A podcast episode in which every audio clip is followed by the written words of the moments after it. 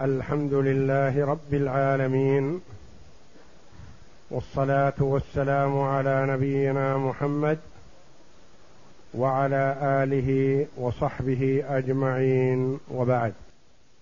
بسم الله الرحمن الرحيم.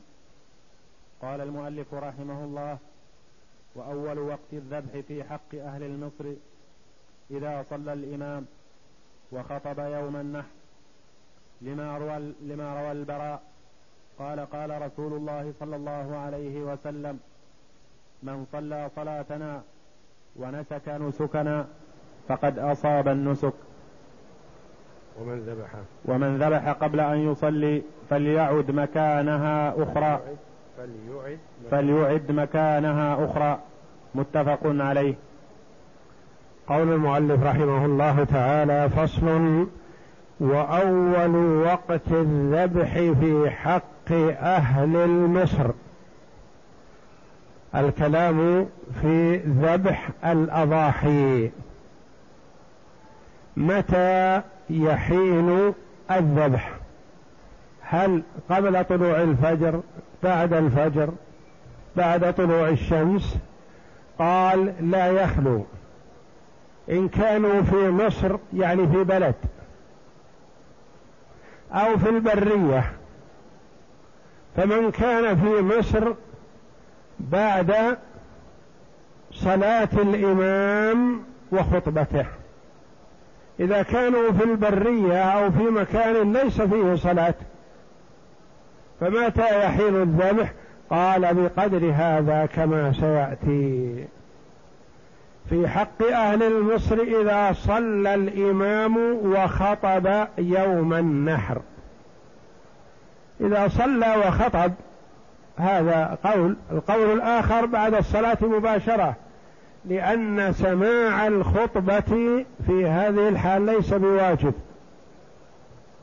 فلا يتعلق به حكم وهو ليس بواجب لأن النبي صلى الله عليه وسلم قال إنا نخطب فمن أحب أن يجلس فليجلس ومن أحب أن ينصرف فلينصرف أو كما قال صلى الله عليه وسلم. لما روى البراء بن عازب رضي الله عنه قال قال رسول الله صلى الله عليه وسلم من صلى صلاتنا يعني صلاة يوم النحر صلاة عيد النحر. ونسك نسكنا يعني ذبح ذبحنا في هذا الوقت. فقد أصاب النسك يعني الأضحية. ومن ذبح قبل أن يصلي قبل أن يصلي فليعد مكانها أخرى. في أحد الصحابة رضي الله عنهم قال إني علمت أن اليوم يوم أكل وشرب. فأحببت أن تكون أضحيتي أول ما يؤكل. فذبحتها قبل الصلاة وأكلت منها. ثم جاء يصلي. فأمره النبي صلى الله عليه وسلم أن يذبح مكانها لأنها لم توافق السنة. فليعد مكانها أخرى متفق عليه. رواه الإمامان البخاري ومسلم رحمة الله عليهما. نعم. وفي حق غير أهل المصر قدر الصلاة والخطبة لأنه تعذر في حقهم اعتبار حقيقة حقيقة الصلاة. فاعتبر فاعتبر قدرها. وفي حق غير أهل المصر يعني من كان في مكان في البرية أو في الأرياف أو في المزارع البعيدة ما عندهم صلاة جمعة صلاة عيدين. فكيف؟ متى يذبح؟ فقال المؤلف رحمه الله بقدرها بقدر صلاة العيد. يعني بعد طلوع الشمس بعشر دقائق مثلا يحين وقت الصلاة. ويجعل للصلاة مثلا عشر دقائق يعني بعد طلوع الشمس بثلث ساعة بعشرين دقيقة. ونحوها يحين وقت الذبح عندهم. نعم. وقال الخرقي المعتبر قدر الصلاة والخطبة في حق الجميع لأنها عبادة يتعلق آخرها بالوقت. فتعلق أولها بالوقت كالصوم. وقال الخرقي رحمه الله المعتبر قدر الصلاة والخطبة في حق الجميع. وش فائدة الخلاف؟ خلاف الخرقي رحمه الله. واضح. الأول علق الحكم على الصلاة والخطبة. قبل أن تنتهي الصلاة والخطبة لا ذبح.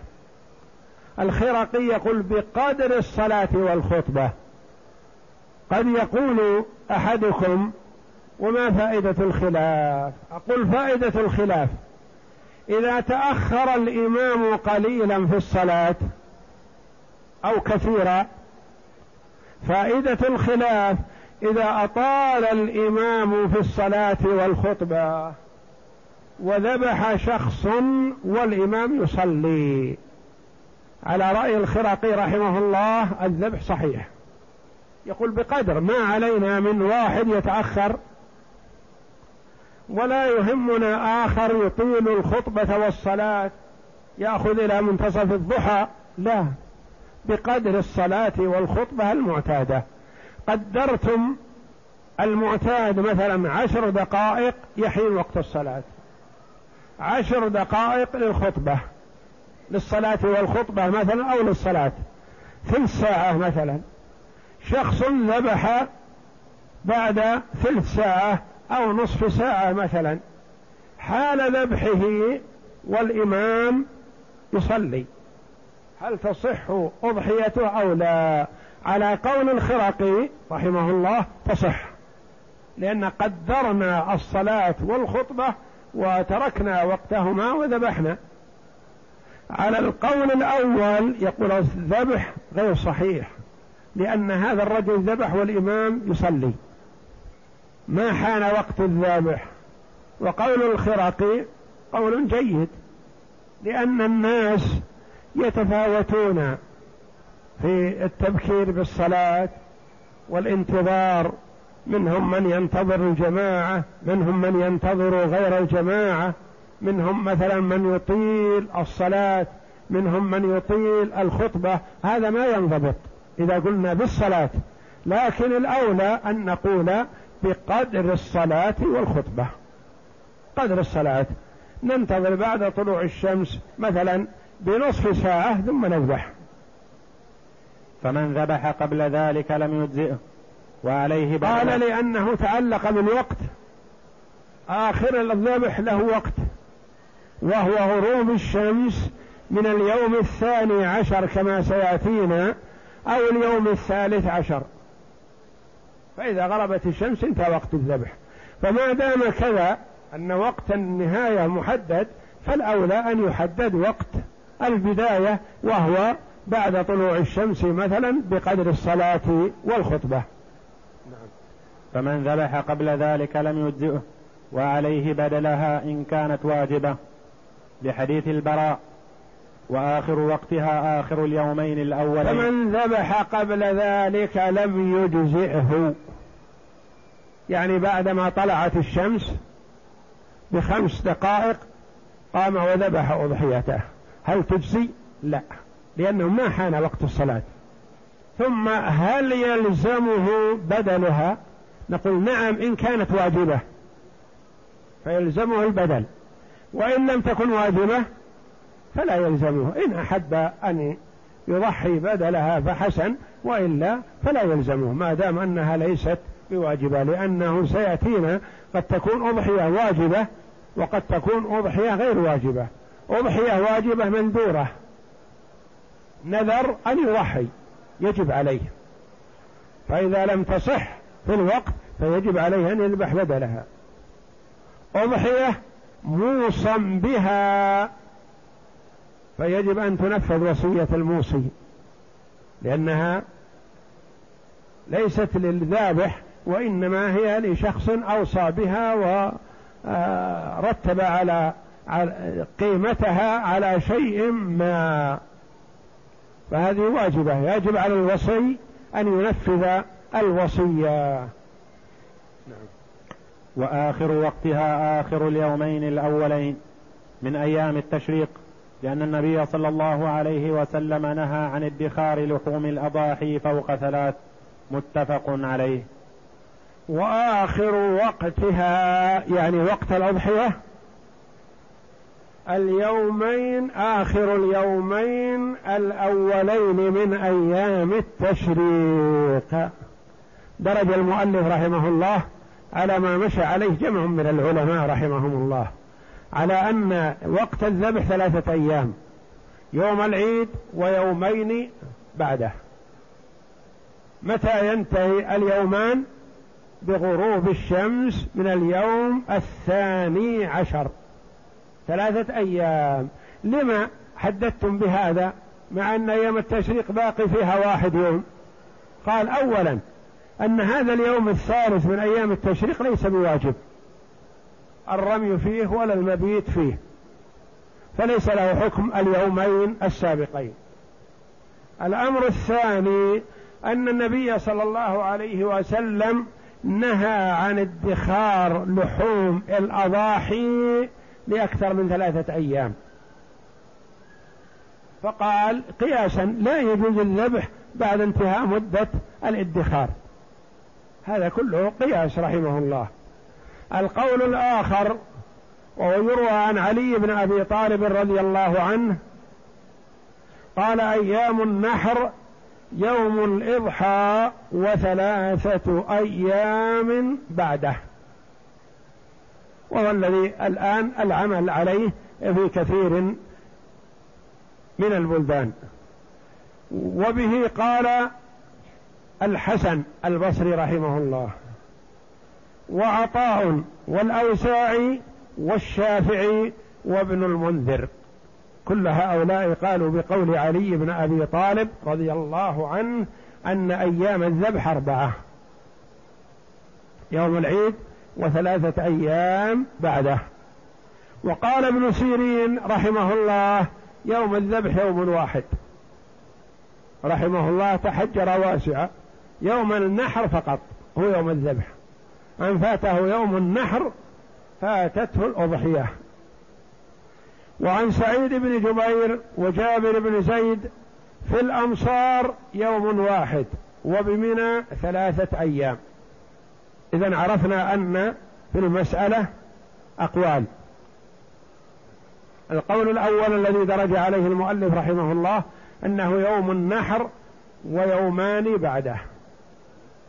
القول الثاني الذي قال به علي بن أبي طالب رضي الله عنه جمع من العلماء من التابعين والإمام الشافعي قالوا يوم النحر وثلاثة أيام بعده. القول الثالث قول محمد بن سيرين رحمه الله قال يوم يوم واحد يوم النحر فقط. القول الرابع قال به سعيد بن جبير وغيره قالوا في الأمصار يوم واحد وفي منى ثلاثة أيام. نعم. قال الخراقي ولا يجوز الذبح ليلا لقول الله تعالى ويذكر اسم الله في أيام معلومات على ما رزقهم من بهيمة الأنعام. قال الخراقي ولا يجوز الذبح ليلا. يقول إذا غربت الشمس لا تذبح. حتى يكون النهار. لما يرحمك الله؟ قال آخذ هذا من الآية الكريمة من قوله جل وعلا ويذكر اسم الله في أيام معلومات على ما رزقهم من بهيمة الأنعام. من أين أخذ هذا؟ من قوله تعالى في أيام معلومات في أيام. قال الآية دلت على أن الذبح في الأيام لا في الليالي. نقول يرحمك الله يأتي القول ذكر الأيام والمراد الأيام بلياليها. كما أن الرمي في أيام التشريق يجوز في الليل وفي يوم النحر يجوز قبل طلوع الفجر. فالأيام والليالي سواء وهذا قول الجمهور أنه يصح الذبح ليلا ونهارا إلا أن النهار أفضل. نعم. وقال غيره من أصحابنا يجوز ليلا لأنه زمن يصح فيه الرمي فصح فيه الذبح كالنهار. وقال بعضهم فيه روايتان. فيه روايتان عن الإمام أحمد هل يجوز أو لا يجوز؟ نعم. فإن فات وقت الذبح ذبح الواجب قضاء لأنه قد وجب ذبحه فلم يسقط بفوات وقته. وإن كان تطوعا فقد فاتته سنة الأضحية. إذا فات وقت الذبح فلا يخلو. إن كانت هذه الأضحية واجبة فيجب أن تذبح ولو في الخامس عشر من ذي الحجة ولو في السابع عشر من ذي الحجة. ولو في عشرين من ذي الحجة. ما دام أنها واجبة فاذبحها وإذا كانت تطوعا ليست بواجبة فقد انتهى وقت الذبح فلا تذبح بعد اليوم الثالث عشر من ذي الحجة. واجبة كأن يكون المرء نذر أن يضحي. ثم صادف ذلك أن, يك... أن كان في سفر وما كان عنده أضحية. أو مريض أو نسي أو انشغل بأمر من الأمور فما ذكر إلا في اليوم الرابع عشر أو الخامس عشر من ذي الحجة. نقول عليك أن تذبحها لأن هذا شيء واجب. أوجبته على نفسك فلا يسقط عنك. فات محله صحيح لكن قضى. أما إذا كان تطوع ليس بواجب فيقال له فات محل الأضحية. نعم. فصل. ولا يجزئ في الأضحية معيبة عيبا ينقص لحمها. لما روى البراء قال قام فينا رسول الله صلى الله عليه وسلم فقال أربع لا تجوز في الأضاحي العوراء البين عورها والمريضة البين مرضها. والعرجاء البين ضلعها والعجفاء التي لا تنقى رواه لا تنقي رواه أبو داود. يعني؟ نعم يعني؟ يعني التي لا مخ فيها والعوراء البين عورها التي انخسفت عينها وذهبت فنص على هذه الأربعة الناقصة اللحم وقسنا عليها ما في معناها. ولا يجزئ في الأضحية معيبة عيبا ينقص لحمها. العيب نوعان. عيب يؤثر على اللحم. يكون اللحم ردي. فهذا هذه غير صحيحة. عيب لا يؤثر على هذا فتكون مكروهة مع الصحة. فمثلا ما نص عليه في الحديث أربع لا تجوز في الأضاحي العورى البين عورها.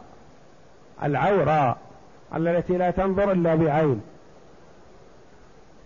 قالوا هذه ما تأكل إلا بشق واحد. إذا صار العلف إذا جهة العين العمياء ما أكلت فتكون ضعيفة بالنسبة لمثيلاتها. ما تأكل أكلا يكفيها. وقياسا على هذا العمياء أولى بالمنع كذلك. فإذا كانت العورة ما تجزي فكذلك العمياء. والمريضة البين مرضها مريضة مرض بين. يؤثر عليها. ما ترعى ما تأكل. ما تساير الغنم. هذه ما تصلح بالأضحية. والعرج البين ضلعها. عرج واضح ظاهر. ما تلحق الغنم. والعجفاء التي لا تنقي. العجفاء الهزيلة. ليست مريضة. ولا عرجة ولا عمية لكنها لا مخ فيها لحمها غير مستساغ. عظمها إذا كسر ما فيه دهن ما فيه حياة. هذه لا تجزي في الأضاحي. وما كان أقل منها فهو من باب أولى. نعم. ولا تجزئ الأضباء لما روي لما روى علي رضي الله عنه قال نهى رسول الله صلى الله عليه وسلم أن يضحى بأعضب الأذن أو القرن. قال سعيد بن المسيب العضب النصف فأكثر من ذلك. رواه النسائي يعني التي ذهبت أكثر من نصف أذنها أو قرنها. وقسنا عليها ما في معناها يعني مثلها في العيب. ولا تجزئ العظب لما روى علي قال نهى رسول الله صلى الله عليه وسلم أن يضحى بأعظب الأذن والقرن. هذا عيبه ليس ليس عائدا على اللحم. وإنما عيبه في الشراء والبيع في القيمة. فلذا قالوا هذا النهي فيه نهي كراهة لا نهي تحريم. أن يضحى بأعظم الأذن والقرن والأعظم هو الذي الأعظم الأذن اللي قطع أكثر النصف أكثر. والقرن الذي انكسر نصف قرنها أو أكثر. هذه تسمى عظبا لما روى سعيد ابن المسيب رحمه الله العظب العظب النصف فأكثر من ذلك. رواه النسائي. يعني التي ذهب أكثر من نصف أذنها أو قرنها. هذه تكره وليست ممنوع الإضحية بها أو لا تجزي وإنما يكره الأضحية بها فالنهي حينئذ نهي تحريم نهي كراهة لا نهي تحريم. نعم. وتجزئ الجماء التي لم يخلق لها قرن والصمعاء وهي الصغيرة الأذن. وتجزئ الجمة التي لم يخلق لها قرن. الجمة التي ليس لها قرون. وقال ابن حامد رحمه الله لا تجزئ الجمة يعني بعض العلماء يقول الجمة لا تجزي. نقول لما يرحمك الله؟ قال لأنها إذا تزاحمت الغنم على العلف تبتعد. ما تستطيع أن تقرب. لأنها ضعيفة. ما تدافع عن نفسها. أما قوية القرن التي لها قرون تزاحم على العلف وتأكل نصيبها ونصيب أختها. ولا تستطيع أختها أن تقرب منها تدفعها. لكن الجمة مسكينة. ما تأخذ حقها. قال هذه لا تجزي. رحمه الله. وقد ورد في الحديث القصاص يوم القيامة حتى إنه لا يقتص للشاة الجمة من ذات القرن. فالبعث لجميع ذوات الأرواح. بما في ذلك الحيوانات. الحيوانات تبعث ويقتص لبعضها من بعض. ثم إن الله جل وعلا يقول لها بعد ذلك كوني ترابا لا نصيب لها ولا تكليف عليها ولا حظ لها في الجنة ولا في النار. وإنما قصاص فيما بينها يقتص للشاة الجمة من ذات القرن. فالمؤلف رحمه الله يقول الجمة تجزي لأنها ليس فيها عيب. ابن حامد يقول الجمة لا تجزي لأنها لا تأكل نصيبها من العلف. نعم. والصمعاء وهي الصغيرة الأذن والبتراء التي لا ذنب لها والشرقاء التي شقت أذنها. والخرقاء التي انشقت أذنها لأن ذلك لا ينقص لحمها ولا يمكن تجزئ الجمة التي لم يخلق لها قرن والصمعاء وهي الصغيرة الأذن. هذه تجزي مع الكراهة لأنها هذا عيب فيها في البيع والشراء في القيمة. لا يختارها الناس الفضلاء. فيكره الأضحية بها وإن كان مجزئ. والبتراء التي لا ذنب لها والخلاف في مقطوعة الذنب. كالتي قطعت. أما ما قطع ذنبه من المعز ومن الإبل والبقر فهذا مجزي مع الكراهة. وأما ما قطع أليته من الضأن فهذا محل خلاف بين العلماء رحمهم الله. بعض العلماء أجاز ذلك قال إنه كثيرا ما يقطع تقطع الألية من أجل أن يكون الشحم يشارك اللحم فيكون محسنا للحم. بخلاف ما إذا كانت الإلية موجودة فإن الشحم والدهن يجتمع فيها وربما كان الداخل خالي من الدهن فيكون لحمه أقل. فالخلاف بين العلماء رحمهم الله في هل يجزي أو لا يجزي مقطوع الذنب لل للحسن. بخلاف مقطوع الذنب للعيب هذا عيب لا يجزي. نعم. ولا يمكن التحرز منه. وغيرها أفضل منها. التي لا ذنب لها والشرقة التي شقت أذنها والخرقة التي انشقت أذنها. الشرقة والخرقة هذا عيب في الأذن. وقد يكون أحيانا سمة. يعني تشق الأذن من طرف أو تخرق في ميسم لأجل العلامة والمعرفة أن هذه غنم فلان وهذه غنم فلان. هذه مجزئة ما دام أن هذا ليس بعيب وإنما جعل سمة وعلامة واسم. نعم. ولا يمكن التحرز منه وغيرها أفضل منها بقول علي رضي الله عنه أمرنا رسول الله صلى الله عليه وسلم أن نستشرف العين والأذن وألا نضحي نستشرف يعني يتفقد العين والأذن تكون سالمة من العيوب. وألا نضحي بمقابلة ولا مدابرة ولا خرقاء ولا شرقاء. نعم. قال, قال أبو إسحاق السبيعي المقابل المقابلة قطع طرف الأذن والمدابرة. يقطع طرف الأذن. مقطوع طرف الأذن يقال لها مقابلة. نعم. والمدابرة القطع من مؤخرة الأذن. يقطع مؤخر الأذن مو بالطرف الأمامي المؤخر. يقال لها مدابرة. نعم. والخرقاء تشقق الأذن للمسه. الخرقة والشرقة في الأذن. خرق أو شق جعل بمثابة الوسم علامة عليها. نعم. والشرق تشقق أذن أذنها السمة. رواه أبو داود. وهذا نهي تنزيه لما ذكرناه.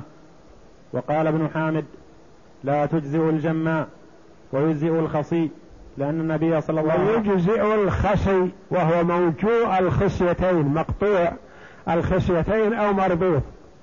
لأن خصي المواشي إما بالرد يعني فرك الخصيتين حتى تذهب البيضة اللي فيها وهذه هي التي تجعله يعلو على الإناث. قالوا الخصي أولى بالأضحية لأن لحمه أطيب لأن الذكر إذا كان خصي فلحمه يكون أحسن من الفحل لأن الفحل يقرع وبإقراعه الإناث يسوء لحمه. فالنبي صلى الله عليه وسلم ضحى بكبشين موجوعين الوجه هو القطع. إما تقطع تصر الخصيتين مثلا وتقطع أو تفرك حتى آه، تضمحل وتذهب. فيكون حينئذ غير قادر على آه، النزو على الإناث. ويجزئ الخصي لأن النبي صلى الله عليه وسلم ضحى بكبشين موجوعين ولأنه يذهب عضو غير مستطاب يطيب اللحم اللحم بذهابه. عضو غير مستطاب يعني غير مستطاب للأكل وإن كان يؤكل فهو حلال ويؤكل لكنه لا يؤثر على الحيوان رداءة بل بالعكس يكون أجود للحم الحيوان إذا كان موجوع الخصيتين فصل. ويستحب أن يأكل الثلث من الأضحية ويهدي الثلث ويتصدق بالثلث. لما روى ابن عمر عن النبي صلى الله عليه وسلم في الأضحية قال ويطعم, ويطعم أهله أهل بيته الثلث ويطعم فقراء جيرانه الثلث ويتصدق على السؤال, على السؤال بالثلث. قال الحافظ أبو موسى هذا حديث حسن. ولقوله. ولقول ابن عمر الضحايا والهدايا ثلث لك وثلث لأهلك وثلث للمساكين. وإن أطعمها كلها أو أكثرها فحسن. وإن أكلها كلها إلا أوقية تصدق بها جاز. وإن أكلها كلها ضمن القدر الذي تجب الصدق الصدقة به. لقول الله تعالى وأطعموا القانع والمعتر والأمر يقتضي الوجوب وإن ويستحب في الأضحية والهدي أن تكون أثلاثا ثلث لأهل البيت وثلث يهدونه هدية وثلث يتصدقون به صدقة. فإن تصدق بها كلها فذلك أفضل لأنه آثر على نفسه. والنبي صلى الله عليه وسلم أهدى وتركها للناس. وإن أكلها كلها إلا شيء يسير كيلو أو أقل أو أكثر تصدق به جاز لأنه امتثل أمر الله جل وعلا بالصدقة وأطعم. الأفضل إذا آثر بها تصدق بها كلها ثم يليه أثلاثا ثم يليه أكلها إلا شيء يسير تصدق به. فإن أكلها كلها ولم يتصدق منها بشيء قالوا لزمه أن يشتري لحم ويتصدق به. عوضا عما في ذمته. لما قال لقول الله تعالى واطعموا القانع والمعتر والأمر يقتضي الوجوب. الله جل وعلا أمرنا بأن نطعم هذين الصنفين فهذا أمر وجوب ما صرفه صارف. وما المراد بالقانع والمعتر؟ أقوال للعلماء رحمهم الله لكن من أقربها والله أعلم القانع الذي هو محتاج ولا يسأل. والمعتر هو الذي يعترض يتعرض للسؤال يبدي حاجته. وقيل العكس. وقيل أحدهما السائل والآخر الذي يأتي ويسكت. يريد شيئا ولا يفصح عما في نفسه. فالمهم أن الله جل وعلا أمرنا بأن نعطي هذين الصنفين وهما محتاجان للحم القانع والمعتر. نعم. وإن نذر أضحية فله الأكل منها لأن النذر محمول على المعهود قبله. والمعهود من الأضحية الشرعية ذبحها والأكل منها. ولا يغير النذر من صفة المنذور إلا الإجاب قال القاضي ومن أصحابنا من منع الأكل منها قياسا على الهدي المنذور. وإن نذر أضحية فله الأكل منها. لما خصص هذا في النذر؟ الأصل أن المرء إذا نذر للفقراء والمساكين أنه لا يأكل منه. نذر مثلا أن يطعم الفقراء والمساكين كذا. فنقول لا يأكل منه هذا للفقراء والمساكين. نذر أضحية.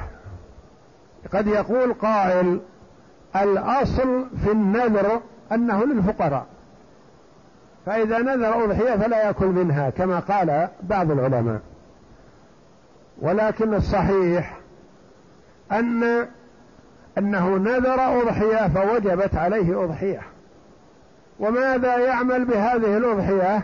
يعمل بها العمل المعتاد الشرعي. والأضحية الشرع فيها أثلاثا فيأكل منها حتى وإن كانت نذرا. يعني أوجب على نفسه الأضحية. مثلا قبل دخول شهر ذي الحجة مثلا قال لله علي أن أضحي هذه السنة بكبشين مثلا أو بكبش أو بشاة أو ببقرة أو ببعير أو نحو ذلك. نقول هذا النذر واجب. يجب عليك أن تفي به ويجب عليك أن تذبحه.